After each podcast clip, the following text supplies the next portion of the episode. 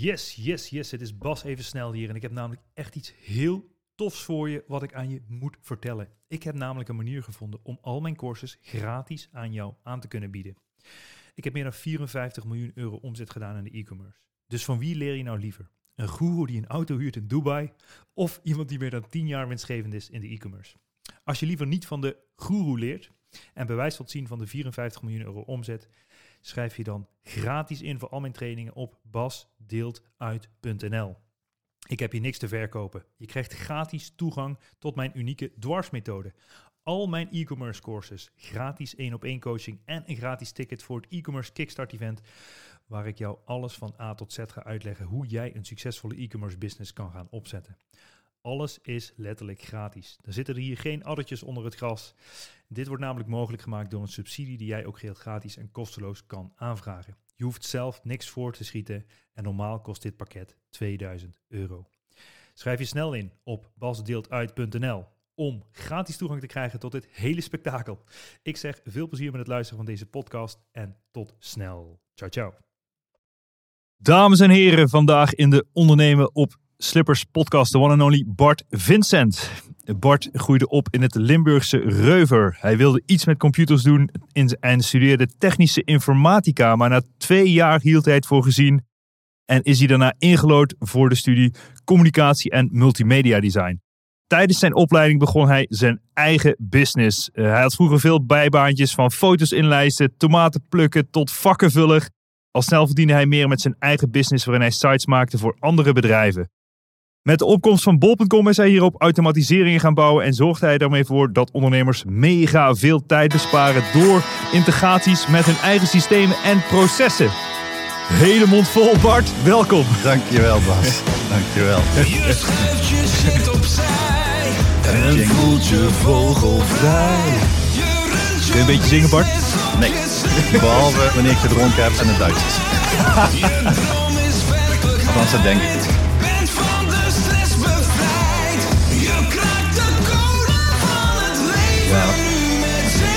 Code kraken, Bart. Ik ben benieuwd. We gaan de code kraken. Nou ja, goed. eh, we komen allebei uit Limburg, dus eh, we spreken dezelfde taal. Nou, deze podcast gaat opgenomen worden in dialect. Succes. Ja. Nee, mooi man. Welkom. Ja, dank je. Leuk dat ik er mag zijn. Ik heb al veel voorgangers voorbij zien komen. Dus eh, Ja, ik hoop dat ik alle verwachtingen waar kan maken vandaag. zeker. Ja, iedereen heeft toch een mooi verhaal en, eh, en jij ook, absoluut. Dus, eh, maar, maar vertel, de- ja, het was geen keuze om in Limburg geboren te worden. Nee, maar gelukkig wel de goede keuze uiteindelijk, ondanks dat er geen was. ja, precies. Nee, nee, ja. Ty- typische Limburgse achtergrond. En eh, zoals dat vaak gaat, eh, eh, geboren uit, uit ouders uit twee verschillende dorpen die uiteindelijk settelen in één specifiek dorp. Hè? Dus dan is het een beetje 50-50 of het in het dorp van de ma of van de pa Ja, ja. gaat zijn. Ja. Daar gesetteld, daar geboren, daar getogen, daar naar school geweest. En eerlijk gezegd, ik woon er nog steeds. En onze kids wonen dus nu ook in dat dorp. En vinden we eigenlijk wel prima zo. Ja. Ja. Dus je bent nog niet echt een wereldburger dan. Het is, eh, als Nou, je buiten Limburg komt, dan voelt het een beetje raar. Nou, nou, ja, vandaag was het wel spannend. nee, nee, ik moet eerlijk zeggen, ik, ik kom natuurlijk veel buiten de, de provinciegrens. Maar eh, wat je zegt, dat, dat geldt wel voor veel Limburgers, denk ik. Die, die heel erg veel eh, in hun eigen omgeving leven. Mhm. En eh, kijk, in, in Limburg hebben we natuurlijk heel erg te maken met dialect. Hè? En eh, ik had het toevallig vorige week nog, eh, nog over met een paar buren. Eh, er zijn gewoon een hoop mensen die helemaal niet fatsoenlijk Nederlands kunnen spreken. En dan is even de term, wat is dan fatsoenlijk Nederlands, is nog even een vraagstuk. Hè? Eh, en ik wil ook echt niet alle Limburgers nou eh, tegen de schenen schoppen. Maar goed, soms heb je mensen die gewoon wonen, werken, leven in dat dorp of in de dorpjes daaromheen. En spreken ze dus zelden Nederlands, want iedereen spreekt dat dialect. Ja. Ja, dan, dan inderdaad, dan ben je misschien niet echt een wereldburger. Eh, nou, ik kom iets verder en op kantoor spreek ik gelukkig in een groot deel ook Nederlands. Dus dat moet ik dat ook doen. En ik denk dat ik intussen geoefend ben. Eh, alleen ja, ik woon wel nog steeds in dat dorpje. En ik heb ook niet echt de intentie om weg te gaan. Nee. Misschien ooit een tweede huisje in een ander land of zo. Hè? Ja, ja, ja. Soms best een keer een beetje doen. Maar nee, dat is leuk. Nee, ik ging studeren in Haarlem en toen ik daar in het begin woonde was ik altijd de Belg. Ja, ja, ja, ja. Dus, eh, eh, ja, eh, dus die ja, dan leer je wel ABN praten, althans iets wat erop lijkt. Ja, maar, ja, maar soms wordt dan zo'n accent geforceerd ook. ja, hè? dat klopt. Dat is, En- dat is dan ook alweer raar, zeg maar. En- maar er zit ook, en er zit een mega verschil in. Kijk, ik kom uit redelijk Noord-Limburg. Ik heb ook collega's uit echt heel erg Zuid-Limburg. Ja. En dat hoor je veel meer. Ja, ja. En nou pretendeer ik niet dat aan mij niet hoort dat ik uit het zuiden kom. Ja. Eh, maar, maar er zit best wel verschil nog in. Ja, mooi. Wel mooi. lachen. Maar hoe, hoe, hoe, hoe zag je jeugd een beetje uit daar? En dat, eh, was, dat, eh, ja, was dat lachen? Of, Ja, vond ik wel. Kijk, in de basisschooltijd, nou die basisschool die lag echt letterlijk bij mij om de hoek. Dus ik hoefde ongeveer één minuut te wandelen en dan was ik op school. Daarnaast eh, lag, ook, lag ook het trapveldje. Ja. En mijn vrienden woonden in diezelfde buurt, om de hoek. Ja. Eh, dus dat was natuurlijk super cool. Dan kun je elke dag na school lekker eh, met z'n allen op de hoort op in de bos in of, of op het trapveldje een beetje kloten. Ja. Dus die, die jeugd was wel heel leuk. En, en ook natuurlijk, ja, als je het zo achteraf kijkt, geen enkele zorgen natuurlijk. Hè? nee, nee, nee, echt. hè. Elke dag fijn je boterhammetjes gesmeerd en het Ja. eten s'avonds klaar. En tussendoor kun je een beetje ravotten en Ja. That's it. Ja, want jij hebt ook kids, toch? Hoe, hoeveel heb je er nu? Twee. Twee. Ja. en dan dus, kijk je dan niet soms zo naar je kind, dan denk je, oh, dit, dit, dit is zo chill gewoon. Je hoeft je nergens druk om te maken, alleen maar spelen. En, Ja, overigens vinden ze dat zelf wel eens anders. Dat Ja, ze dan echt, toch zichzelf moet, druk moeten maken. Eh, maar ja, daar denk ik wel nog eens aan terug af en toe. Dat ik denk Ja. van ja, en dan, maar zelfs de middelbare schooltijd, dan dacht ik van jezus, wat was dat een zorgeloze tijd hè. ja, Kon je lekker je ding doen. Je komt een keer opdraven, s ochtends om half negen. En om drie uur of zo was je weer klaar. ja, Of half drie. En op vrijdagmiddag had je dan nog, eh, ik zat in Roermond op de middelbare school. En dan had je altijd happy hour om twee uur in de stad. oké. Ja, en dan, dan was gewoon per definitie ging iedereen met het fietsje om twee uur. Happy hour. Ja, Die, die rugzak die ging bij de ingang van de kroeg in de hoek. Ja. Daar kwam ook niemand aan. Die was er ook altijd als je weer wegging. En dat, dat kwam door de uitsmijter die daar stond. ja, ja. Die zorgde er wel voor dat niemand met de verkeerde tas wegging. Eh, en dan, dan kon je daar lekker voor vijf eh, gulden een dubbele goldstrike pakken. Hoppa. Om even de week af te sluiten. mooi man. Ja, dat vond ik wel heel tof. Ja, dat is lach. Maar eh, en, en, en wanneer begon die passie met computers bij jou dan? Want dat, is dat iets wat, wat ontstaan is in die tijd? Of, Ja, de middelbare ook eigenlijk wel. We hadden toen, was toen een nieuw fenomeen op de middelbare school. Dat was de mediatheek. Hij heeft nu elke school dat wel, maar toen was dat iets heel nieuws. Hè? Ja. En dan was er enigszins breedband internet. En eh, nou, een, hele rijen computers waar je dan een mp3'tje op kon downloaden met 70 kb per seconde. En dat Ja. was super snel, want thuis ging dat met 3 kb of zo. ja, ja, precies. Ehm, maar toen, dat vond ik wel interessant. En toen heb ik eh, een site in elkaar geschroefd waar ik een beetje verhalen op vertelde. Ik was wel altijd van het, van het verhalen vertellen. En, en eh, doe ik trouwens met de kids ook nog. Hè. Onze jongste, die, die wil nog wel eens voorgelezen worden. Ja. Maar ik lees per definitie niet voor. Nee, je- Maar ik vertel liever een verhaal. ja, je verzint gewoon niet. En dan verzin ik een karakter. En, Ja. en die maakt dan de meest waanzinnige dingen mee. Precies. Eh, en, maar dat vind ik dan leuk. Superhero. En de, en de kunst is, zij onthoudt dan die verhalen en, en die karakters. En ik moet dat dan zelf ook onthouden. Want anders gaat het verhaal de volgende keer scheef. Ja, ja, ja, ja. Maar op school op die manier is wel die interesse in die computers ontstaan. Ja. En dan heb je natuurlijk allemaal eh, vrienden van je ouders die weer wat aan de pc hebben, wat je dan mag oplossen. Dat is dan, ja. Oké, je leer je ook al wat van, maar is dan niet per definitie een leuke stuk. Ja.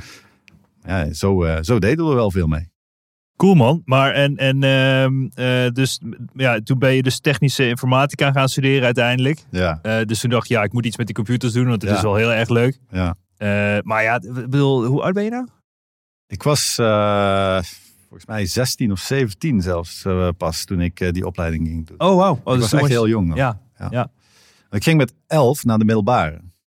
Ja, precies. Maar, maar toen waren die computers, dat waren, dat, ja, computers, ik bedoel, dat is, waren dan zwart-wit scherm, of nee, niet eens. Groen, groene schermen. Met, nou, met, met Bas, zo zes- oud ben ik nou ook Nee? weer niet. Nee, nee maar, maar wat wel was in die tijd. eh, je, had, je had die, eh, ken je die nog, die PC-privé-projecten? Die al heel veel werkgevers hadden die. Nou, dan, dan, Ja. en dan, dan kon je dus, eh, ja, kon je ergens een, een, een supersnelle PC met een 133 megahertz eh, processor, zeg maar, Ja, ja. kon je kopen. En dat ding kost dan 4000 gulden. Ja, ja. Eh, eh, en die kon je dan laten samenstellen via je werkgever. Dan was dat weer bruto netto of zo, weet ik veel. Dat was een of andere gunstige regeling. Ja. Maar ja, heel, heel supersnel was het allemaal niet. En toen ik die opleiding ging doen aan de HTS, toen waren we natuurlijk intussen wel wat verder. Dan was het toch wel iets serieuzer. ja, ja, ja. Met ten opzichte van wat je natuurlijk nu in je broekzak hebt zitten, was het, eh, ja, shit. Ja, ja, ja. ja. Maar die, die, eh, die technische informatica, die heb je maar twee jaar volgehouden. Ja, En eh, waar ging het fout?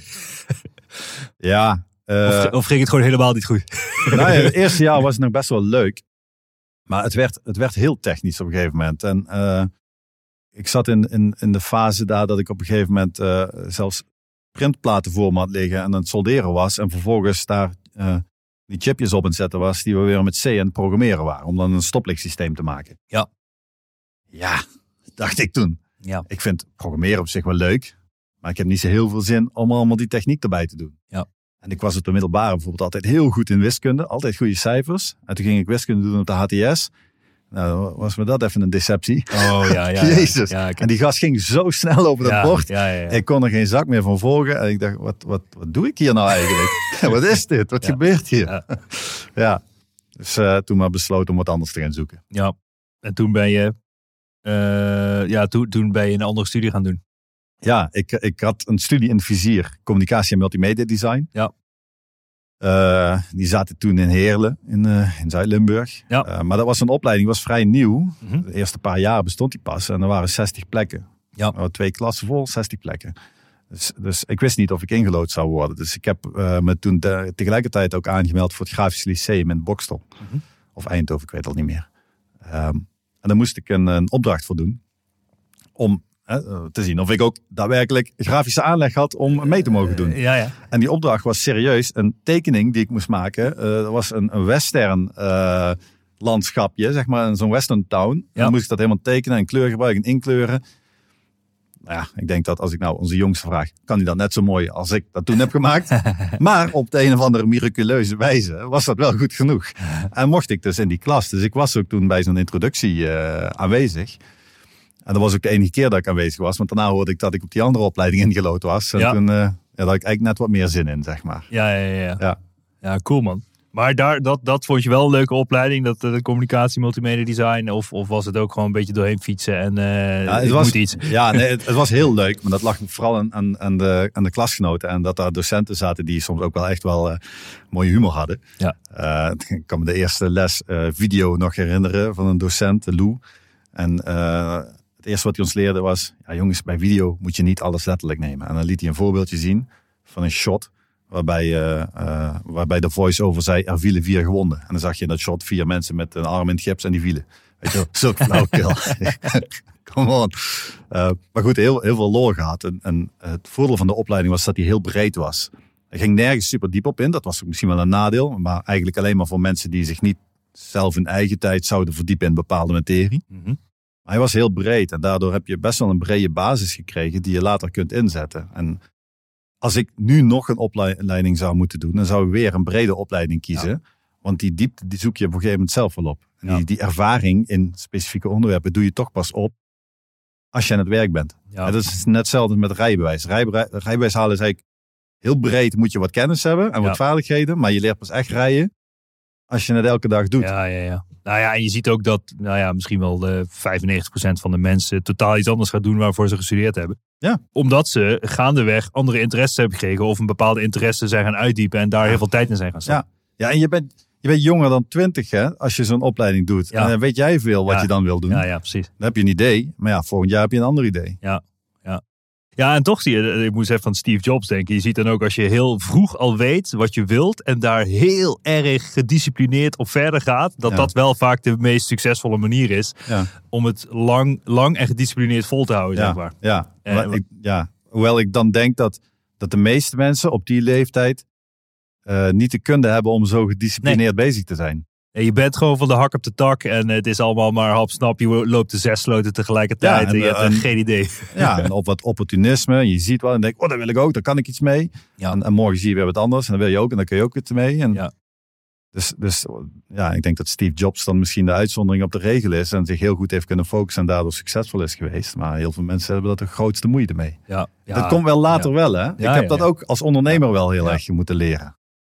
Ja, het is mega herkenbaar, maar ik weet niet of jij dat ook herkent. Als je dan in veel sloten tegelijkertijd loopt, dan doe je... Je moet er dan achter komen dat je alles voor de helft aan het doen bent. Ja, of En- nog minder. Of nog minder.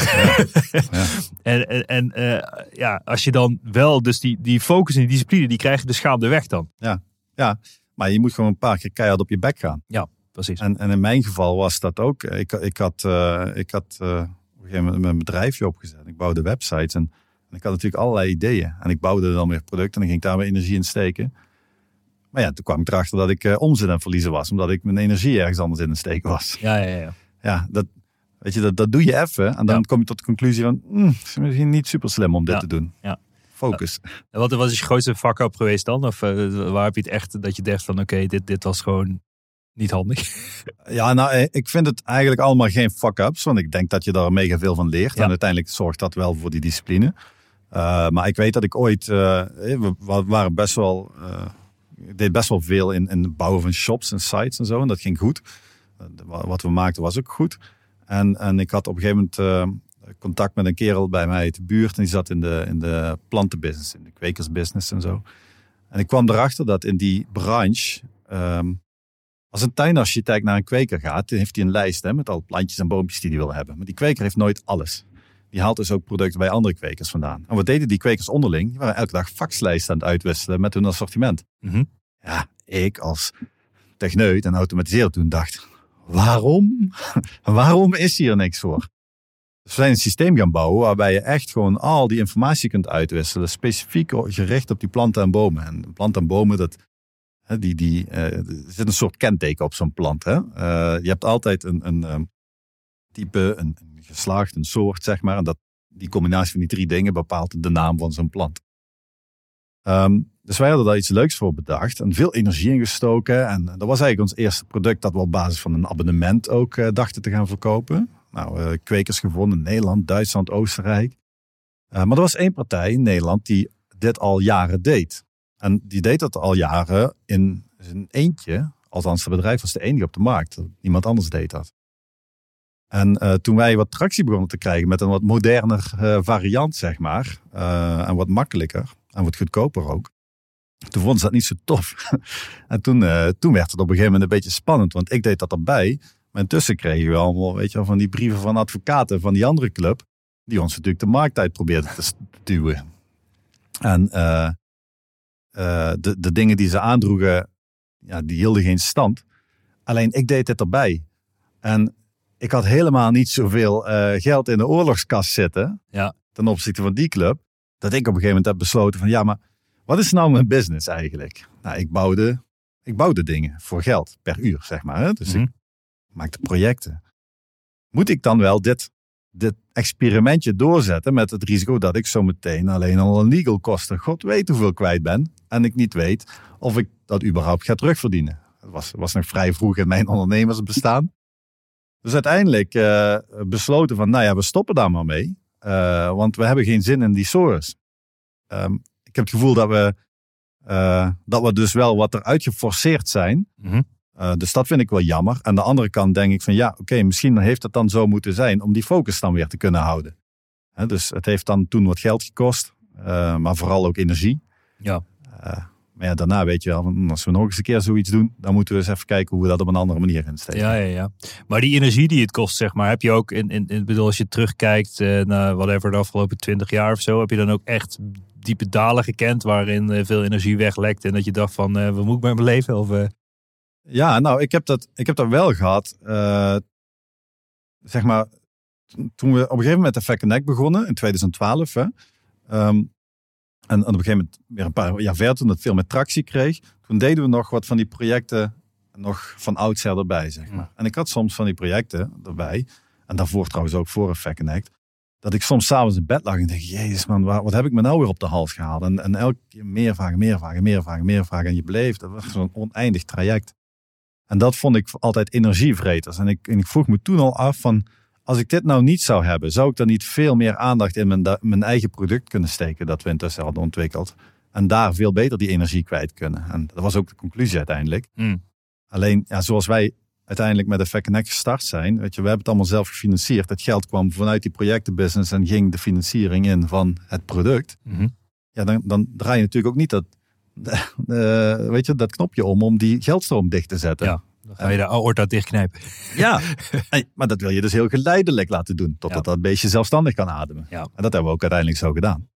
Er waren wel momenten waar, waar ik dat wel ingewikkeld vond. Dat ik Ja. dacht van, ja maar... hm, de, de waarde van ons bedrijf en de, het toekom- toekomstperspectief vind ik niet per se in de projecten zitten. Nee.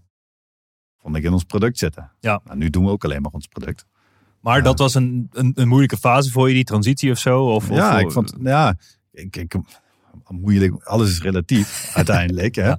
Maar ik vond dat eh, het liefst had ik gewoon op dag één dat we met het product bezig zijn, eh, zouden gaan, had ik gezegd zo, en dan doen we geen projecten meer. Ja, vol focus. Maar dan had ik ergens geld moeten gaan ophalen. Ja. Daar had ik niet zo heel veel zin in. Nee, nee, nee.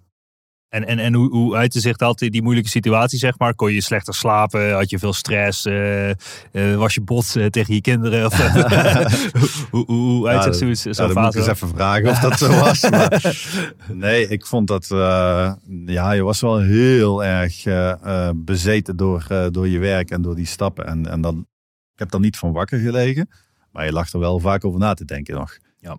En kijk, ik ben wel iemand die, en eh, ik zeg het wel eens tegen collega's als ze zich ergens druk om maken of thuis ook. Maar niet altijd een dank afgenomen, maar ik zeg altijd van ja, oké, dat, dat waar je nu een probleem mee hebt of dat waar je mee zit, kun je dat zelf veranderen. Als het antwoord nee is, dan zeg ik altijd, dan moet je dat niet druk om maken. Hm. En dat is heel makkelijk gezegd en ik ben zo. Dus ik, ik denk dat ik misschien door dit soort situaties dan me er wat makkelijker heen kan slaan. Ja, ja, ja. Dat ik denk, ja, ik kan hier nu niet zo heel veel aan doen. Dit is wat het is. Hier moeten we het even mee doen. Ja. Maar eh, niet iedereen kan dat. Ehm, en ik denk als je die mindset hebt, dat het veel makkelijker is om over bepaalde issues heen te kunnen stappen. Ja. En verder te kijken. Ja. Dat, dat helpt wel. En ook in de ontwikkeling van ons product. En ik kan me nog herinneren dat, kijk, als je hard groeit met een bedrijf, is het, is het ingewikkeld, hè? Want product groeit en die software is misschien wel schaalbaar, maar die Ja. organisatie die slaat nog nergens op. Ja. Heel zwart-wit Ja, gezegd. ja, ja. ja. Er zijn heel veel dingen niet geregeld. En dan, dan ga je op een gegeven moment opmerking krijgen van... joh, maar dat verandert toch nooit. Weet je wel, mensen, mensen op kantoor bijvoorbeeld. Ja. Of eh, dan ben ik al vijf stappen verder met wat ik graag wil. Terwijl eh, een dev-team bijvoorbeeld nog eerst die eerste drie stappen moet Ja. maken. En die zegt, maar hoe kun je daar nou mee bezig zijn? Ja, ja, ja. En ik, ik ben die, die makkelijke vent die dan zegt... ja, maar kijk, mijn werk is het om me niet druk te maken over die issues van vandaag. En om verder te kijken. Ja, ja, ja, ja, ja. Want die issues, die krijgen jullie wel opgelost. Ja. Alleen is het natuurlijk vervelend dat, dat er zo'n enthousiaste kerel op kantoor rondloopt en met allemaal ideeën. En Ja. die al verder aan het kijken is, terwijl dat, dat team misschien nog nu allemaal issues aan het oplossen is. Ja, ja, ja, ja, ja. Ja, dat, is, dat, is, wel- dat is wel interessant. wa- Want ook gewoon, ehm, ja, dat, dat hele spel van snel groeien en zo, dat klinkt voor de buitenwereld altijd fantastisch. Ja. Oh, die doet het goed. Ja, is hard en heeft nu zoveel mensen zitten en allemaal dat Ja, soort dingen. Maar het kan, het kan ook gewoon heel pijnlijk zijn. En dat zie je niet Ja. alleen, dat zie je nu eh, op de, je werkt veel met marketplaces als Bol en dat soort dingen. Die hebben ook gewoon ontzettend veel pijn met de groei. En zeker door corona. Weet je, ze kunnen het niet aan. eh, niemand kan zich maar aanmelden voor LVB. Dus eigenlijk ja, is het gewoon één groot gekkenhuis geworden, zeg maar. Dus, Ja. dus hard groeien kan ook ontzettend veel pijn doen. Ja, ja. ja, en dan moet je zorgen dat, dat binnen je bedrijf op een gegeven moment mensen aan boord gehaald zijn die bepaalde zaken gewoon goed kunnen organiseren en van je over kunnen nemen. En dan, ik ben een ondernemer en ik ben een super slechte manager. Dat Juist. weet ik van mezelf. Ja. En ik vind andere dingen belangrijk dan, dan eh, ja, een hele goede manager waarschijnlijk Ja. belangrijk zou vinden. Ja, ja, ja. En dat, dat heeft niet ermee te maken dat ik, dat ik eh, die dingen dan niet geregeld wil hebben. Alleen het staat niet bovenaan mijn lijstje. Mhm. En ik heb maar zoveel tijd in een dag uiteindelijk. Ja. En ik denk dat je op een gegeven moment heel goed moet nadenken over waar je met je bedrijf in welke fase je zit. Mhm. En dan ook moet zorgen dat er mensen aan boord zijn die bepaalde dingen gewoon goed kunnen organiseren voor je. En waar je dan op kunt vertrouwen, omdat het ervaren mensen zijn. En dan, dan kan de ondernemer weer wat meer gaan ondernemen. Want eh, ik bedoel, toen Louis van Gaal succesvol was, stond hij ook niet eh, in zijn voetbaltenu in het veld. Toen stond hij aan de zijlijn. en en die, er was een hele goede aanvoerder in het veld met een heel goed team eromheen. En die deed het werk, die maakte er wat van. En Louis zorgde wel dat dat allemaal mogelijk gemaakt werd. Ja, precies. En, en, en het is echt zo herkenbaar. Maar heb je altijd zo je business gerund of hoe was het in die beginfase? Nee, dat was natuurlijk helemaal niet zo. Sterker nog, toen was ik ooit alleen. Ja, dan valt er niet zoveel te runnen. En dan was Nee. het niet zo spannend, hè? Nee. Kijk, ik vond het spannendst op een gegeven moment toen onze eerste collega werd aangenomen. Want toen had ik opeens verantwoordelijkheid voor iemands anders salaris. Ja. En, en wij hadden toen nog niet onze abonnementen omzet. Dus ik moest ook echt werken voor, het, voor die projecten. Ja. Hè, en eh, en dat, vond ik, dat vond ik toen wel, eh, wel spannend. Maar ik deed ook nog heel veel zelf. En ik had toen gelukkig collega's die eh, het ook niet zo'n drama vonden. Dat ze niet elk jaar een formeel functioneringsgesprek of zo hadden. Hè, want dat snapten ze wel.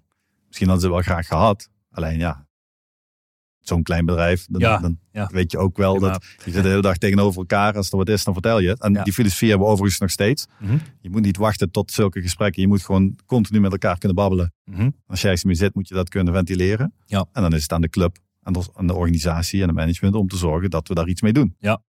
Eh, en wat het dan ook is. Ja, ja, ja. Ehm, dus nee, het ging niet altijd op die manier. Ja, nee, maar op een gegeven moment ben je dus voor jezelf begonnen. Had je die business, ben je sites gaan programmeren. Toen ben je een eigen product gaan bouwen, eh, wat nu Effect Connect heet. Maar le- leg misschien eens even uit voor de mensen die niet weten wat Effect Connect is, welk probleem het oplost voor de ondernemer. Misschien is het ook wel mooi om eh, toe te lichten. Ja. ja, Effect Connect is eigenlijk een soort horloge dat terug in de tijd draait, zeg maar. Het bespaart heel veel tijd. Hè? Je hebt meer tijd over.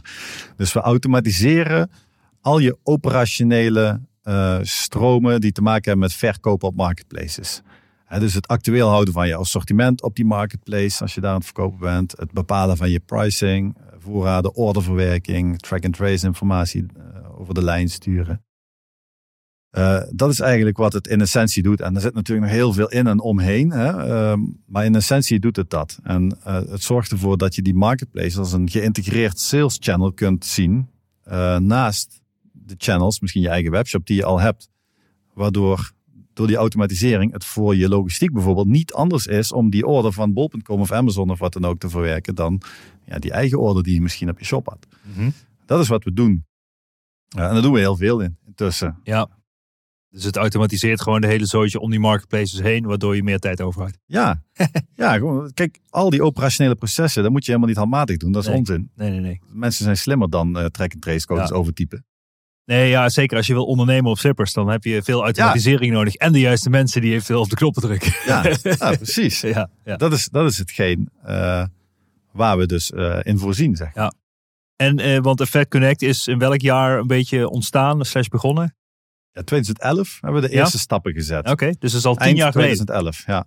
Wauw. En, en hoe heeft zich dat, eh, wat zie je de ont- ontwikkelingen van de afgelopen tien jaar? Hoe zie je dat, dat eh, ja, neem ons daar eens in mee. Ja, nou ja, goed. Niet eh, alleen op Effect Connect, maar de hele markt ook. Het is misschien wel interessant om daar een blik op te werpen. Ja, heel, als ik heel even uitzoom, dan, dan zeg maar, ik, ik vergelijk het wel eens met een kerk in het evangelie. Oh, Ik ben helemaal niet gelovig, maar ik vind het wel een mooie vergelijk. Mhm. In de beginjaren moesten, verkondigden wij een evangelie voor een kerk die niemand kende. En nu eh, zeg maar, komen die gelovigen aan de deur. Ja, ja. Hè, omdat de markt veranderd is. Daar kom ik zo nog wel verder op. Maar waar het begon, kijk, ik zei net al, we, bouwden webshops en websites. Hè? En, eh, en eh, ooit, toen bol.com net met de marketplace begon, ze noemden dat toen de Plaza. ehm, Klopt. toen klopte die aan bij een van onze klanten waar wij een e-commerce product voor hadden gebouwd. Hè? De webshop hadden wij compleet gebouwd. En, en ze openden toen de Home Deco winkel op Bol. Dat was een navolging van de koken aan tafelen. Volgens mij was dat de eerste. Ehm, en ze wilden dat assortiment graag online hebben. En, en wij werden er eigenlijk direct bij ingevlogen bij eh, onze klant. Omdat uiteindelijk ervoor zorgde van ja, we willen er wel meedoen. Maar het moet wel geautomatiseerd. Want we hebben hier te maken met 2 of 3000 SKU's. Hm. Ja, dan gaan we niet met de hand bijhouden op dat platform. Dus daar hebben we echt gewoon maar wat gehobbied en gekeken hoe we die systemen met elkaar kunnen laten babbelen. En, eh, en op een gegeven moment lukte dat. En, en na livegang hadden ze binnen drie kwartier de eerste bol.com order in hun back-office staan. Ja, dat vonden wij natuurlijk wel een hoera moment. ja. Ehm, maar ja, dat was er maar één. En dat was alleen maar bol. En, eh, en we wisten helemaal nog niks van marketplaces. We wisten alleen, ja, je kunt er iets verkopen. Maar hoe een marketplace dan werkt. En wat allemaal de factoren zijn die een rol spelen bij eh, de koopknop bijvoorbeeld. Ja. Dat wisten we helemaal niet. Dus we hebben best wel een hele tijd onder de radar geopereerd. Ik denk wel, ik wil twee, drie jaar. Redelijk onder de radar ge- eh, gewerkt. Om samen met Bol ook naar heel veel verkopers toe te rijden. Want er was helemaal geen integratieoplossing destijds. Mhm. Ja, wij deden het, maar niemand anders deed iets. Dus wij reden met die marketplace managers, of die market managers noemden ze zichzelf geloof ik. eh, reden we naar merken toe of verkopers toe om te kijken hoe we ze aan boord zouden kunnen krijgen.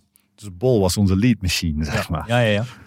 Dat was wel heel tof. En, eh, en op die manier hebben we veel geleerd. Eh, veel fouten gemaakt. Eh, bepaalden we of ons systeem goed liep. Doordat we toevallig een bepaalde klant hadden aangesloten. Die heel veel omzet deed. Eh, en we keken gewoon, als die niet elke zoveel minuten een order ontvangt, is er iets aan de hand. Ja, ja, ja. ja, Weet je op ja. die manier ja. werkt het in het begin. Ja. Ehm, nou ja, zo kun je niet blijven werken. Want er waren ook allemaal losse installatietjes. En er was helemaal geen schaalbaar platform weet ik veel wat. Ehm, maar toen, toen kwam ik op een gegeven moment in contact met SEO Shop destijds. Ja. Nu Lightspeed, toen was SEO Shop met Joost. En Joost komt eh, ook uit Venlo van oorsprong. Dus ik had er wel snel een, eh, een klik mee. Ondanks dat hij natuurlijk al lang in Amsterdam zat. Ja. En zij had een App Store. En dat vond ik natuurlijk super interessant. Eh, en zij vonden onze oplossing super interessant. Alleen onze oplossing was echt niet SaaS, hè, software as a service. Was helemaal niet zo. Was gewoon installatie hier, installatie daar. was totaal niet manageable, maar we moesten tenslotte wat leren. Dus hebben we op een paar maanden tijd hebben we een nieuwe variant van het product gebouwd om in die App Store op te nemen. Eh, en dat was eind 2014 dat we dat hebben gedaan. En toen eh, hebben we januari 15 hebben we het gelanceerd in die store. Tegelijkertijd met onze eerste deelname aan de webwinkelvakdagen. Ja. Dat, dat was ook een, een, bijzonder verhaal. Eh, ik ging samen met, met Paul, een collega van me, die ook die opleiding heeft gedaan, die, ik, die ik zelf heb gedaan, communicatie en multimedia design, waar ik vroeger altijd mee samenwerkte in de projecten. Mhm. Eh, gingen we met een echt een, een shitty gehuurd busje. Echt dat, dat busje, dat was, als je daarin zat, dan moest je bijna een gasmasker op. dan gingen we naar Utrecht. Eh, dat hele ding volgeladen met, eh, met, met tv's en banners en Precies. een kast en tafels en weet ik veel wat, een gereedschapskist. En, en dan hadden we zo'n zo'n klein standje, zo'n standaard standje zeg maar, hadden we geboekt. En gingen we dat opbouwen. Dus dat standje aan zich was niet zo heel, heel fraai. Mhm. Maar ik had wel geregeld dat we naast bol.com stonden. Oh ja. En, want bol.com vonden wij al eh, een interessante buurman op Ja. dat vlak. Ja. En wat gebeurde nou op, op, die- op dat event? Dat Bol was allemaal die verkopers aan het uitleggen hoe we die verkopers kunnen verkopen op dat platform. En vervolgens kwamen ze zo met die verkoper aan het handje naar ons toe. Zo, en zo kun je het automatiseren. En wij eh, toen eh, nerds dat we waren, vielen natuurlijk direct in de techniek en hoe vaak we dan orders importeren en weet ik veel wat. nou ja, je moet soms wat dingen leren, maar dat was eh, wat we toen deden. Maar het heeft ons wel in die, in die paar weken daarna, ik denk de eerste tientallen klanten opgeleverd. En toen dachten we van, oh, maar volgens mij hebben we nu iets. En we, we- intussen hadden we ook al iets met Amazon eh, geprobeerd en zo. Hè. Dus we hadden wel een paar kanalen, niet alleen maar Bol. Ja. Ehm, maar goed, dingen werkten wel. En eh, niet veel later kwam ik er op een gegeven moment achter dat ons hele team met klanten aan het bellen was over ons product. Of met mensen die klant wilden worden. Maar ik had geen supportteam. dus eh, iedereen was aan het bellen. Ja, ja. Tot aan developers en toe. Mhm. Ja, daar kreeg ik echt grijze haren van. Toen dacht ik echt, wat gebeurt hier? Hoe gaat dit nou goed komen? Ehm, dus toen, toen eh, zijn we toch maar eens gaan nadenken van... oké, maar als dit een richting is zeg maar, die we ingaan... en dit, dit kennelijk vind- vindt men dit toch ergens interessant... dan moeten we eens kijken hoe we dat anders gaan inrichten. Mhm. En toen hebben we ook de eerste stappen gezet met ons supportteam. Dus Joey bij ons komen werken. Dat werkt Ja. er nog steeds. Ja. Eh, en heeft die, redelijk eh, honkvast, die eh Limburgse gasten. ja, dat, ja, dat is echt zo. Ja, Dat- ja, ja. Er zijn heel veel mensen die al jaren eh, Ja. bij ons werken. En Dat is misschien toch een voordeel. In de Randstad zie je dat misschien veel meer eh, jobhoppen. Die, eh, ja, ja dat is, per definitie zit dat wel wat minder in, in die Limburgers. Ook, ook natuurlijk dat karakter waar, waar we begonnen met. Hè? Geboren getogen in dat dorpje, Ja, wonen werken in dat dorpje of om dat dorpje heen. Morgen toch in de business en eh, dan ja, en, dan, en, en als, en zolang je als werkgever zijnde goed luistert naar die mensen en ze alles biedt eh, om, om hun werk goed te kunnen doen en het leuk te vinden, dan Ja. hebben ze ook weinig reden om ergens anders naartoe te gaan. ja, ja, ja. En dan gaat het helemaal niet meer om salaris. En dan gaat het vaak om veel andere dingen daaromheen, zeg maar. Ja.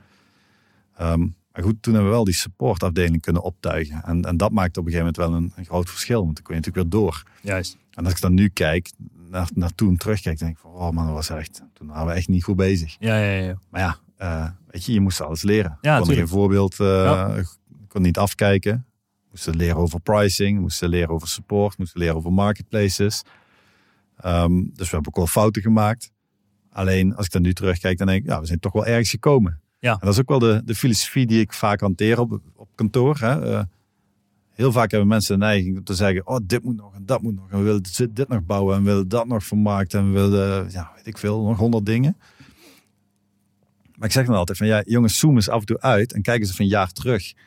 Want je denkt nou dat je echt niet op bent geschoten en dat je nog superveel moet. Maar Ja. zoom eens uit en dan zie je dat je echt wel heel erg veel wel hebt gedaan.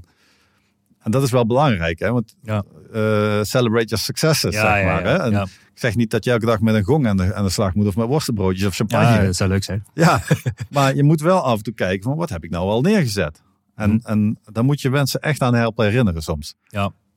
Maar dan is het ook wel leuk als je dat dan doet. Maar eh, heb je, noem eens wat successen die je wel gevierd hebt. En hoe doe je dat dan? Eh, nou ja, we hebben natuurlijk bepaalde omzetdoelen Ja. die we voor onszelf gesteld hadden, die we gehaald hebben. Eh, bepaalde successen in de zin van type bedrijven die je misschien aan boord haalt. Ja. Stabiliteit van systemen. Ja. Ehm, maar ook, eh, ik vind ook een succes wanneer iemand bijvoorbeeld heel lang bij ons werkt. Ja. Dat vind ik een succes op zich. Zeker. En dat mag je met elkaar vieren. En, en wij zijn wel van die teamborrels, ondanks dat we dus nu al meer dan een jaar niks meer hebben gedaan op dat vlak. Mhm. Ehm, maar dat die cultuur bewaken, dat vind ik misschien nog wel het allergrootste succes. Want die cultuur zorgt ervoor dat, dat mensen graag bij ons werken. Dat zorgt ervoor dat we een goed product hebben. Dat zorgt ervoor dat het uitstraalt naar de klant. Ja. En, eh, en ik zei het gisteren nog toen ik in Blijswijk eh, was eh, naar, naar, een, naar een afspraak. En ik zeg uiteindelijk, een oplossing moet gewoon doen wat hij belooft dat hij doet. De tool moet het doen, punt. Ja. Eh, maar uiteindelijk gaat het ook om dat team en die mensen daarachter. Je moet ook leuk en lekker mee kunnen communiceren. Ja. En antwoorden krijgen. En geen arrogante mensen spreken. En dat soort, eh, dat soort fratsen. Ja. Dat, dat zit gewoon in de cultuur. Ja, maar eh, heb je dan, hoe vier je het? Dus is het dan dat je dan, eh, doe je een eh, uitje met de boys of, of met, de, met de mensen die voor je werken of whatever? Ja, nou, kijk, elke week hebben wij ook, nou ja, normaal dan, gewoon echt een fatsoenlijke vrijdagmiddagborrel. ja. Dat vind ik een belangrijk dingetje. Sterker nog, wij sluiten eerder op vrijdag, een half uur eerder, Oh ja. vanwege die borrel. Ja, oké. Ja. En, en dat klinkt misschien gek, Ja. want waarom zou je dan een half uur eerder de lijn dichtgooien? Oh, je bedoelt telefoon. Je bent gewoon telefonisch eh, bij een half uur. eh, een half uur minder bereikbaar. Precies. Maar, maar ik heb de filosofie van, ja, je hebt de hele week de tijd om met ons eh, contact te hebben. Ja. En ook als er echt dingen aan de hand zijn, kun je nog steeds ons bereiken natuurlijk. Ja, ja. Maar als een team 40 uur aan de slag is geweest en weer een volle bak gas heeft gegeven. Ja. En weer mooie klant aan boord gehaald. We hebben mooie ontwikkelingen gemaakt. We Ja. hebben weer fantastische grafische dingen laten zien, whatever. Ja, ja, ja, ja. Dan is zo'n zo'n borrel echt ideaal om even af te schakelen. En daar eens even op te reflecteren. En om eens even over wat anders te hebben dan alleen maar je werk. Ja. Ja. En dat vind ik wel, eh, wel werken. Ja, en wat je ziet in deze coronatijd is dat al die marketplaces echt als, eh, nou ja, het waren al paddenstoelen, maar ze zijn echt, eh, een, Ja. een, een, een, een paddenstoel eh, groeit snel, geloof ik. Ja. en zo deden Ja. die marketplaces dat ook. En het lijkt er ook op bijvoorbeeld, kijk, Amazon is nu een jaartje in Nederland ongeveer, denk ik. Officieel dan. Ehm, en, en, en, het lijkt erop dat zij de groei beter kunnen managen dan, dan eh, Bol in ieder geval. En ook misschien hebben zij ook weer meer ervaring, omdat ze de grootste van de wereld zijn in plaats Ja, van de grootste meer van het land slagkracht. meer slagkracht, meer eh, kapitaal erachter. Ja. Maar hoe zie, jij, eh, hoe zie jij die ontwikkeling? Want dat moet ook sowieso veel klanten voor, voor, voor jou hebben opgeleverd. Dat- door Ja. die groei van die marketplace. En dat is toch waar, waar je product op aangesloten zit. Ja, ja. Hoe, hoe- zie jij die ontwikkeling? Ja, vorig jaar was, was super bijzonder omdat je ook wel een lifeline hebt kunnen zijn voor veel bedrijven die ook winkels hadden en die dus gesloten waren. En dat, dat, daar is die marketplace super belangrijk voor Ja. geweest. En misschien waren ze nog niet eens actief en zijn ze dat snel wel gaan doen. Juist. Maar we hebben meerdere gevallen gehad van mensen die we snel hebben kunnen automatiseren om toch eh, best wel behoorlijke omzet eh, nog te kunnen maken via zo'n platform. Ja. En dus, dus dat gebeurde heel veel. Los van natuurlijk dat bij al die platformverkopers de omzet al sky high ging. Ik kan me nog herinneren dat we, dat we net toen in maart, eh, na die eerste persconferenties, toen hadden we Black Friday omzetten. Ja, ja, ja. En dan hadden we Ja. heel vaak die Black Friday Ja. omzetten. Dat waren echt gigantische records. Dus even een paar servertjes bijschakelen. Ja, nou ja, precies. Nou ja, wij, wij konden het heel goed managen, maar onze klanten kregen op een gegeven moment gewoon, ja, die hadden het magazijn leeg. Ja. Weet je, Ja, ja, ja. ja, er viel op een gegeven moment niet meer zoveel te Nee. verkopen. Dus die hadden vooral in de aanlevering van artikelen hadden die de issues zitten. Ja. Verkoop was geen issue. Nee. Ehm, maar, dat, maar, er, maar er gebeurt natuurlijk wel heel veel. En eh, nou ja, je zei net al met, met Bol en LVB en, eh, en dat, de, dat, dat het zeg maar, plafond bereikt is wat daar aangemeld kon worden. Nou, Mhm. Het heeft gewoon met fysieke capaciteit te maken. Ja. Weet je, die hal is niet groter. Ja, dan kun je, Ja, ja. Kun je wel ja. buiten neerzetten onder een tentje, maar dat werkt niet. Nee, nee, nee. Kijk, Amazon is net wat beter uitgerust wat dat betreft. Nou, Ja. Bol gaat natuurlijk ook wel, eh, wel, wel hard op door. Mhm. Alleen, ja, dat zag je wel natuurlijk heel erg. En, en ik denk dat ook wel een hoop besluiten versneld zijn. Ehm, dus, dus bijvoorbeeld merken die wel eens nadachten over... eh, moet ik iets met die marketplace? Of misschien in het verleden hebben gedaan, besloten van... nou, doe toch maar niet, want reden X. eh, die nu wel weer aan de slag zijn gegaan, versneld. Omdat het gewoon moest. Ja. Ehm, dus daar hebben die marketplaces gewoon heel veel volume op kunnen draaien. Ja. Eh, en ik denk dat het ook aan de marketplace kant of aan de platformen die marketplace zouden kunnen worden, dat het ook keuzes versneld heeft om een marketplace te worden. En dat zie je niet alleen, eh, trouwens in Nederland weet ik even niet zo gauw, maar in het buitenland zagen we dat heel veel. Dat, dat bekende namen die daar bijvoorbeeld supermarktketens hebben of eh, andere clubs, die gewoon een marketplace model omarmen. Ja. Omdat het natuurlijk een veel minder voor die partijen cash-intensief eh, platform is dan zelf al die voorraad kopen, Ja, ja, ja. opslaan, Ja. hopen dat je het verkoopt. Je wordt meer een dienstverlener. Ja. Ja. ja, en dat is ook een trend die je ziet. Hè? Dus niet iedereen kijkt. eh, nou ja, er zijn ook inderdaad eh, veel partijen die dan denken van... Nou, ik heb toch de klanten, laat ik dan al maar ook derde op een platform toe. Ja. Ja. Maar ehm, eh, dan, ik word heel vaak, kom, krijg ik ook de vraag van mensen van... Oké, ja, ik wil eigenlijk helemaal niet op die marketplaces verkopen. Dan krijg ik geen klantdata en ja, ze hebben zoveel macht en allemaal dat soort dingen. Hoe, hoe kijk jij tegen die discussie aan? Ja, nou, ik, ik vind de discussie is geen of-of. Het is niet of ik doe het op de marketplace of ik doe het zelf. Ik denk dat het en-en is. Ja. En eh, waarbij ik doe het zelf, dat bedoel ik dan een eigen webshop bijvoorbeeld mee. Ja. ja dat, dat is een overweging die je wel eh, goed onderbouwd moet maken. Of, hè, of je dat wel of niet gaat doen. Kijk, als jij een gemiddelde reseller van een, eh, van een bepaald product bent, ja, dan is zo'n marketplace een mooi afzetkanaal om volume te doen. Maar je hebt wel veel concurrentie. Ehm, ja, maar die, die eigen webshop die voegt niet heel veel anders toe, zeg maar. Hè? Want die, uiteindelijk verkoop je nog steeds iemand anders zijn product. Op je eigen webshop dan weliswaar. En is het alleen maar dat je daar veel meer marketinggeld in moet pompen om datzelfde publiek te bereiken. Ja. Dus zo bekijk ik het ook wel. Ja, inderdaad, die klantdata is van de marketplace. Ehm, maar je krijgt daar in de ruil ook omzet voor. Ja. En je kunt er geld mee verdienen als je het goed doet. Dus ja, ik denk, als, als ik een merk zou zijn, dan, dan zou ik veel eerder de neiging hebben om het allebei te doen. Omdat ik dan een merkshop misschien wel, Ja. misschien wel zelf wil neerzetten met een bepaalde beleving. Of misschien wel, weet ik veel, een of ander eh, lidmaatschap waar ik dan nog aan zou kunnen koppelen of zo. Eh, en dan gebruik ik die platformen als A, omzetkanaal en B, marketingkanaal. Ja. En uiteindelijk heb ik dan het grote geheel, want alles komt toch bij mij vandaan Mhm. waar ik uit verkoop. Mhm.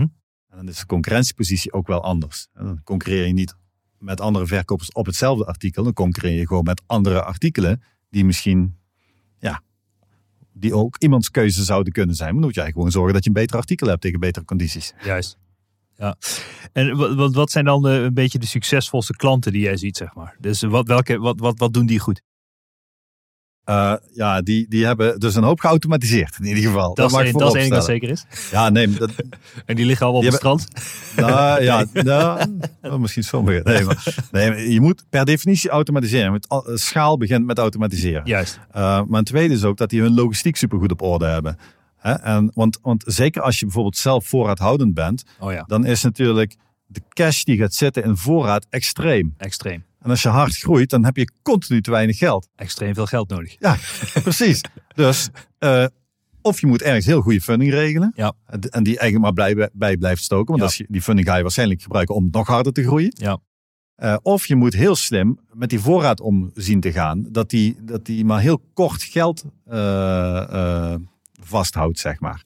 Dus snelle doorlooptijd. Ja. Um, maar ja, je ziet, je ziet wel dat het verkopen van artikelen als e-commerce bedrijf vereist gewoon poen. Ja, ja dit is en ook, het is, ik bedoel, dit is de grootste hekelpunt, zeg ik altijd, na het lanceren van een business. Is Ja. gewoon supply chain management. Ja. Dat is gewoon 100% dat is de grootste uitdaging. Ja. En daarmee ook dus cash management, liquiditeit, cashflow, het hele spektakel daar wat daarbij komt kijken, Ja. is de grootste uitdaging. En, Ja. en ehm, nou ja, en, hoe ik dat heb opgelost, tussen haakjes, is door een goede financieel iemand aan te nemen. Dus ik op een gegeven moment, ik heb nu echt letterlijk pas een dik jaar, heb ik een CFO, zeg maar. Ook Ja. virtueel, dus Ja. eh, alles virtueel bij mij. Maar, Ja.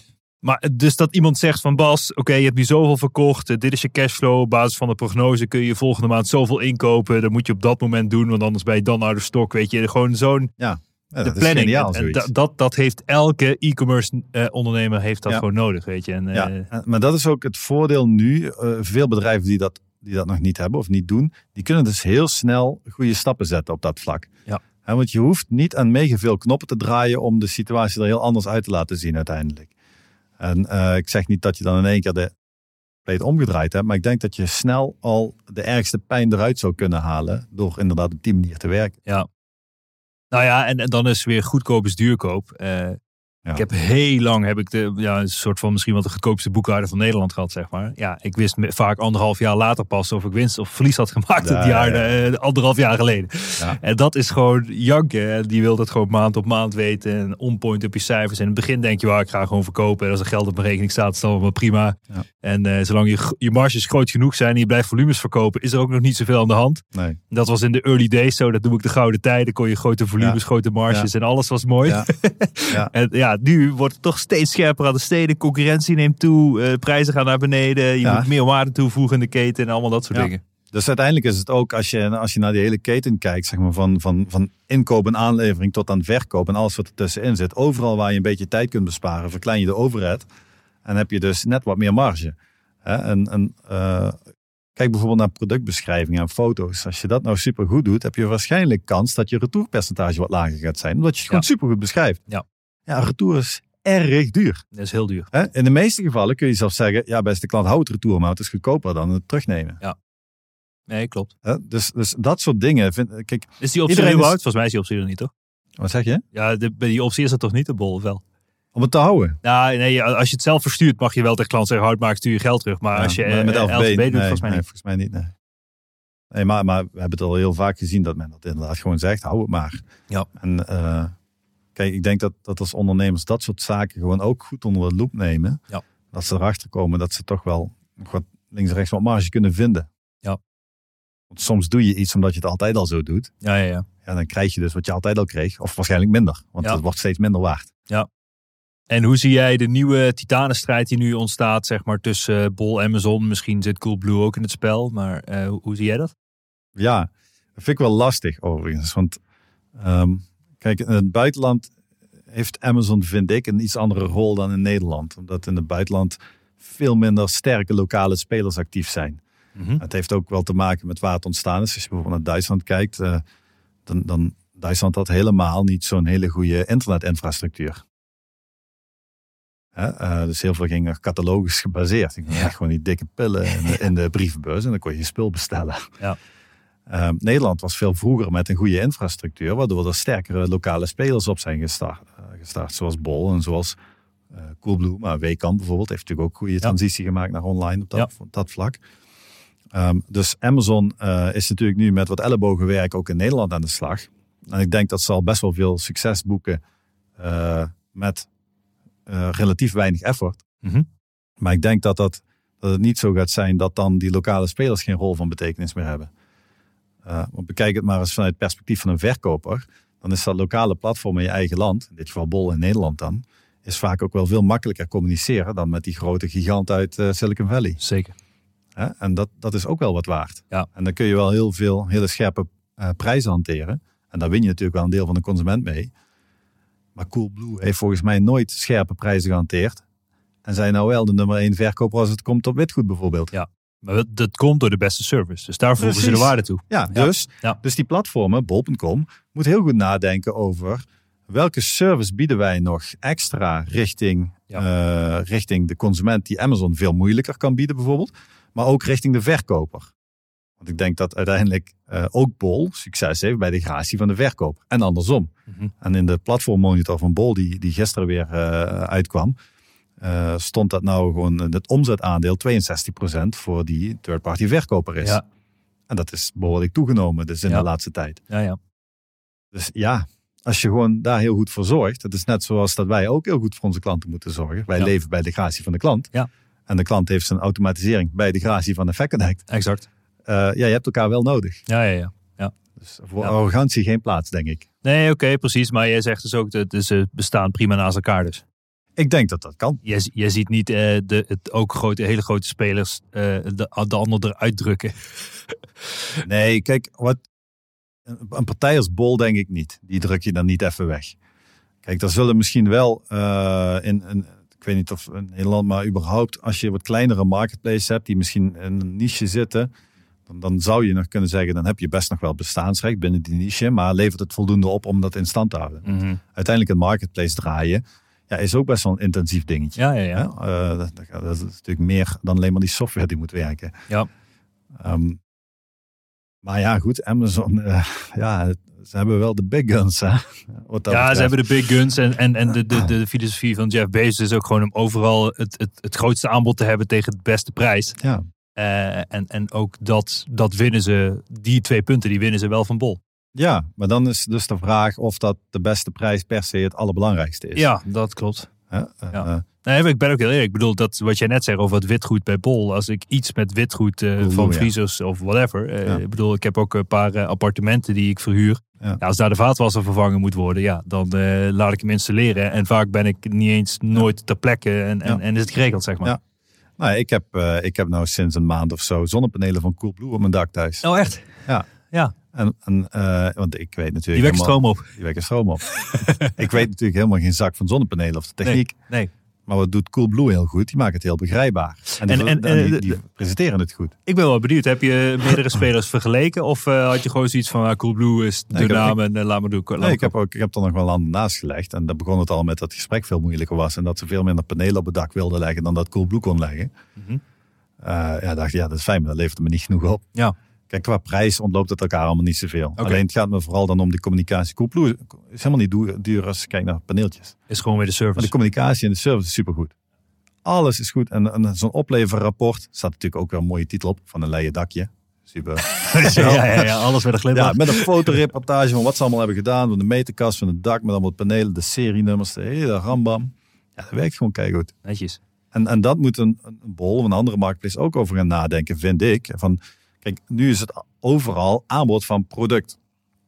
Maar kijk, Coolblue is geen marketplace. Maar als ik daar een tv bestel, kan ik ook een monteur erbij bestellen die me ophangt. Ja. Ik denk dat een marketplace uiteindelijk ook zo'n zo'n model erbij misschien zou moeten nemen. Ja. Waarbij eh, je niet alleen maar de aanbieders van de producten inschakelt, maar ook de aanbieders van diensten die daarbij kunnen horen. Want iemand moet die vaatwasser even neerzetten. Ja. Iemand moet eventjes eh, die tv ophangen. Ja. Iemand moet die tandenborstel een keer uitpakken. Ja.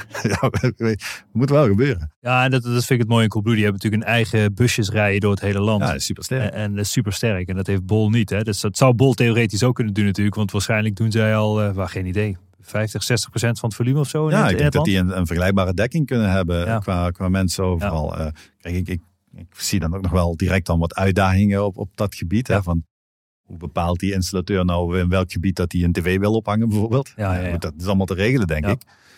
Ehm, maar maar op die manier naar marketplace kijken vind ik ook wel interessanter. En dat is, dan kom je een beetje in het, in het marketplace gebied van de traditionele marketplace. Zoals een, eh, de dienstverlener marketplace booking.com bijvoorbeeld. Hè, waar geen product wordt verkocht, maar eigenlijk een dienst. Namelijk een hotelkamer voor een bepaalde periode. Ja. Of ander, of, of weet ik veel, Airbnb. Ja, ja, ja. Dat soort dingen. En ik ben op dit moment eh, mijn eigen eh, merk aan het verkopen. Ik kan er nog niet, op dit moment nog niet te veel voor naar buiten brengen. Maar hoe, hoe zie jij die hele markt ontstaan? Want dat geld klotst over de hele wereld zowat tegen de plint aan. Ja, ja, bij de Om- bank levert dat niks op. Nee, om dus eh, eh, de, de marketplace, de succesvolle marketplace brands op te kopen. Ja. Eh, en, en, en ja, dat spel dat, dat is echt, heeft zich bizar snel ontvouwd. Er zijn Ja. grote spelers in Amerika die, die ja, de, de snelst groeiende, winstgevende unicorn ever in history is hier opgestaan. Ja. Ehm, Ja. Hoe zie jij dat spel? Nou, ik zie in ieder geval dat als een bewijs dat je op een marketplace een waardevol merk kunt bouwen. Juist. Dat is denk ik stap één. En, eh, en eigenlijk eh, plaatsen we daarmee dus de marketplace op gelijke, eh, gelijke voet met bijvoorbeeld de PCO. Hè, waar die merken misschien ooit zaten. Ja. Of waar andere merken zijn gelanceerd. Of De gewoon de marketplace is schaalbaarder dan de PCO. Ja, is veel meer, veel meer bereik. Ja. En je hoeft ook nog niet eens parkeergeld te betalen. Kijk, Dat is toch ideaal? Nee, maar uiteindelijk is het gewoon een platform om, om iets te lanceren. Ja. En op, op eh, Amazon zijn er daar veel verder mee dan op bol.com. Maar bol.com is natuurlijk daar net zo goed een platform voor. Ja. En dat komt vanzelf wel.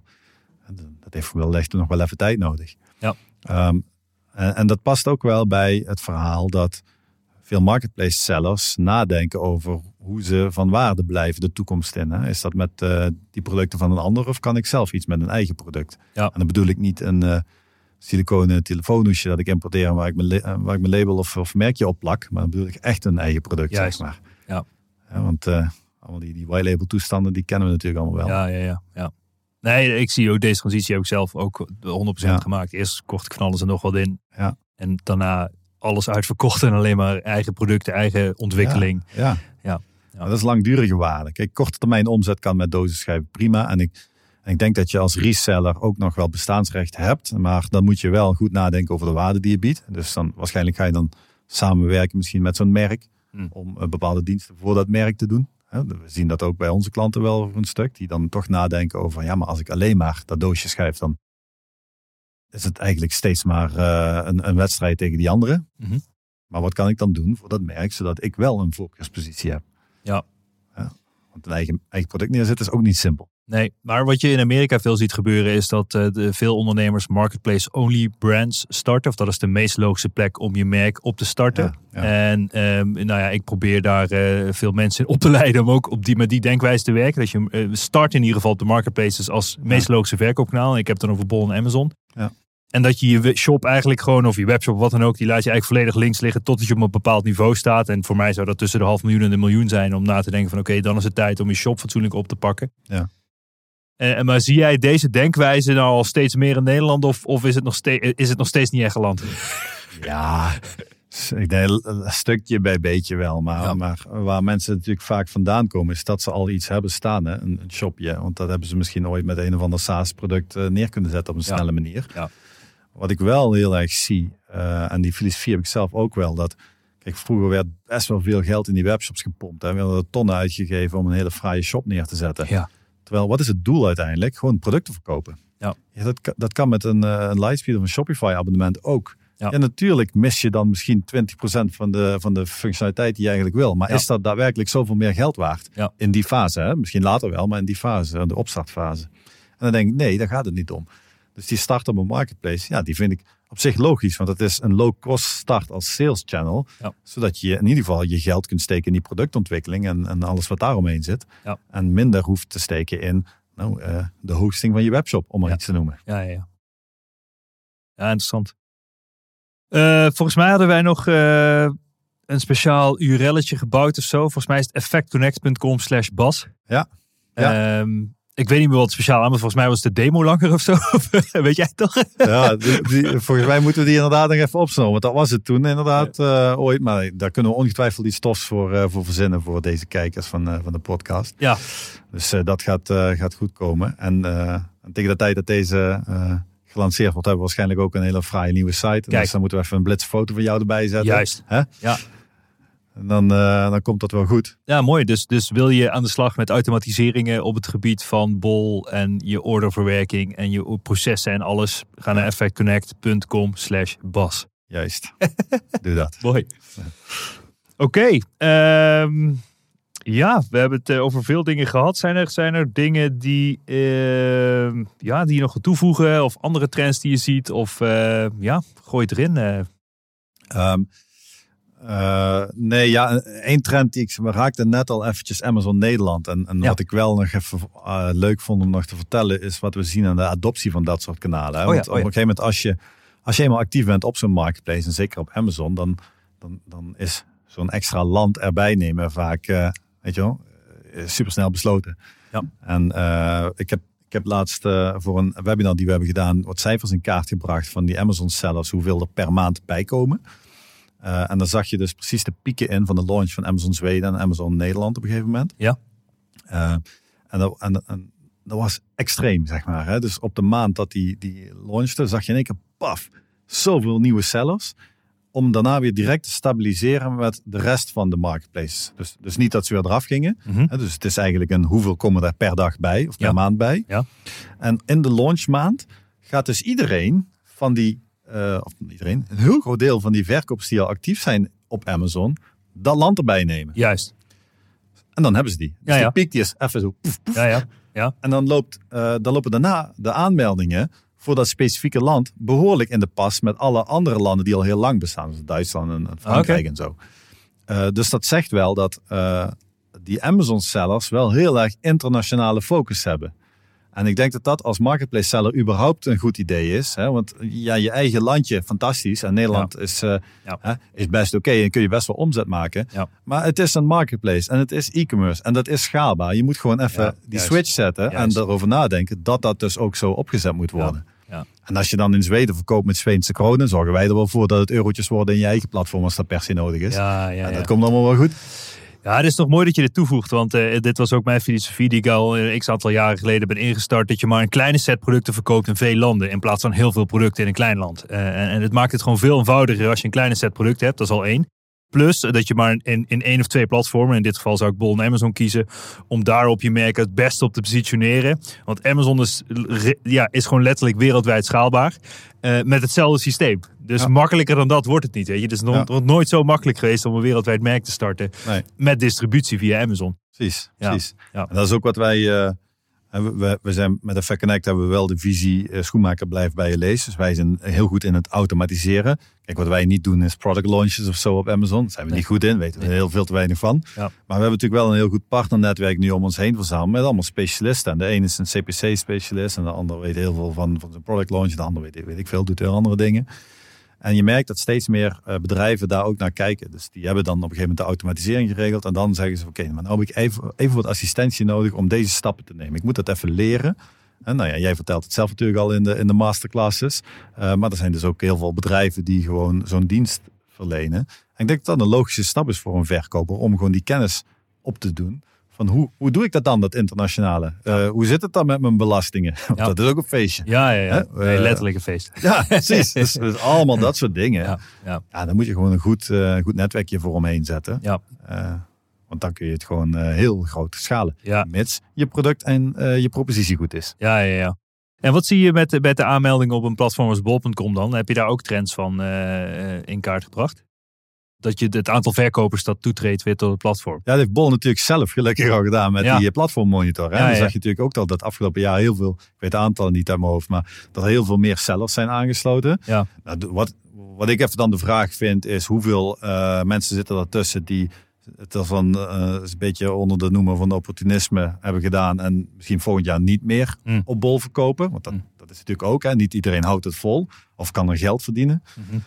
Ehm, maar per definitie is dat aantal behoorlijk toegenomen. Ja? En, en dat zorgt natuurlijk ook voor dat in die monitor nu blijkt dat 62% van de omzet door third-party verkopers is. Ja, Ja. Als er meer third-party verkopers zijn, gaat per definitie het percentage van de omzet hoger zijn. Ja. Ja. dus ja, eh, eh, het blijft nog steeds een mooie, mooie kans om daarmee aan de slag te gaan. Mits je een goed product tegen een goede propositie hebt. ja, ja, ja, precies. Ja, en nu is dus het grootste hekelpunt van de meeste nieuwe sellers dat ze dus de logistieke service van Bol LVB niet kunnen gebruiken. En dan moeten ze weer naar. En daar maken de andere warehouses in Nederland waarschijnlijk gretig gebruik van. Ja, je Die ziet kunnen gewoon grote schaal klanten aantrekken. Maar de vraag is, als LVB weer open gaat, of ze dan massaal weer weggaan en wel naar Bol gaan. Nee, denk ik niet. Want, Nee? want eh, kijk, LVB heeft voordelen, maar dat gaat nooit je enige magazijn zijn waarschijnlijk. Hè? In sommige gevallen wel, maar waarschijnlijk niet. Ja. Want uiteindelijk zit die voorraad dan wel vast daar. Ja. En dan ben je toch weer twee keer aan het investeren als je ook bij FBA bijvoorbeeld bij Amazon wat wil doen. Eens, ja. Dus, dus een fulfillmentbedrijf of misschien wel zelf je logistiek doen eh, in je eigen magazijn. Ja, dat heeft nog steeds ook wel voordelen. Ja. Het is gewoon één voorraadplek. Ja. En eh, zeker wanneer je ehm, eigen merk hebt en je dus minder met concurrentie te maken hebt en je misschien ook wel zelf hele goede cut-off tijden nog hebt, ja, dan is het iets minder van belang of dat nou LVB is of niet LVB. Ja. Ehm, natuurlijk zitten er bij LVB nog wat voordelen hè, eh, dan, dan wanneer je het allemaal zelf zou doen. Maar Ja, ja, ja. ik denk dat er nog steeds een rol is voor je eigen magazijn. Ja, ja, ja. Ja, denk ik ook. Ja. Ja, ik gebruik het als een soort van buffer warehouse. Dus inderdaad, ik heb een tussenwarehouse die ik dan gebruik voor het aanleveren van Bol Ja. Amazon. En je hebt zelf voorraad eventueel voor je eigen shop of als je nog B2B levert of wat dan ook. Ja. Ja. Ja, Ja. ja, dat is denk ik wel slim. Cool. Dus het is altijd wedden op meerdere paardjes. Ja. Het, is, het is nooit of het een of het ander. Nee, nee, nee. En, en. Precies. Cool. Nou Bart, eh, leuk gesprek man. En waar, waar kunnen mensen meer over jou vinden? Nou ja, over mij, eh, eh, bezoek me in, in Reuver, maar check vooral mijn LinkedIn eventjes. Ja. En op effectconnect.com. ik schrijf daar ook, ook geregeld wat artikelen, wat blogs. Ik ben vrij uitgesproken in sommige dingen, maar dat zie je op mijn LinkedIn wel terug. Mooi. Ik geloof er ook wel in dat als je een bepaalde visie hebt, dat je die uitbundig moet ventileren. En iemand kan het ermee eens zijn of niet mee eens zijn, maar dat maakt eigenlijk niet uit. Prima. Maar je hebt wel een visie. En dat, dan komen we weer bij Steve Jobs met Ja. zijn visie en zijn focus. Ja. Eh, ik denk dat dat uiteindelijk succes kan brengen. En niet het zwabberen op de weg en eh, steeds andere besluiten nemen. Leuk man. Ja. Leuk. Hey, dank voor je komst naar deze mooie studio. ja, graag gedaan. Leuk om eens te zien in ieder geval. Zeker. Vet. Ja. En eh, tot snel. Bedankt voor het luisteren naar de Ondernemen op Slippers podcast. Check voor meer informatie ondernemenopslippers.nl. Tot de volgende keer. Ja, super lachen. Nou, dat was dus Bart Vincent. Eh, mocht je dus eh, met eh, automatisering en processen aan de slag willen op het gebied van marketplaces, bol.com, Amazon, dat soort dingen, ga naar effectconnect.com slash bas. En eh, ja, ik vond het super mooi om eh, deze marketplace brainstorm te hebben en het hele verhaal van Bart te horen. Ik zeg allemaal weer bedankt voor het luisteren en tot de volgende keer. Dankjewel Yes, Bart. Dankjewel. Dit was toch een onwijs gave episode. Laten we eerlijk zijn. Ik vind het onwijs tof. Mocht je nou waarde vinden in deze episodes, check dan ook eventjes mijn LinkedIn, Bas Eurlings. En geef mij gewoon even een persoonlijk berichtje wat je van deze podcast vindt. Nogmaals, ik kan alles gratis aan jou geven. Wil je leren in de e-commerce? Gratis in op één coaching. Gratis e-commerce kickstart event. Ga naar basdeeltuit.nl hoe jij subsidie kan aanvragen door gratis, om gratis toegang te krijgen tot alles wat ik gemaakt heb. Check it out en tot snel. Ciao, ciao.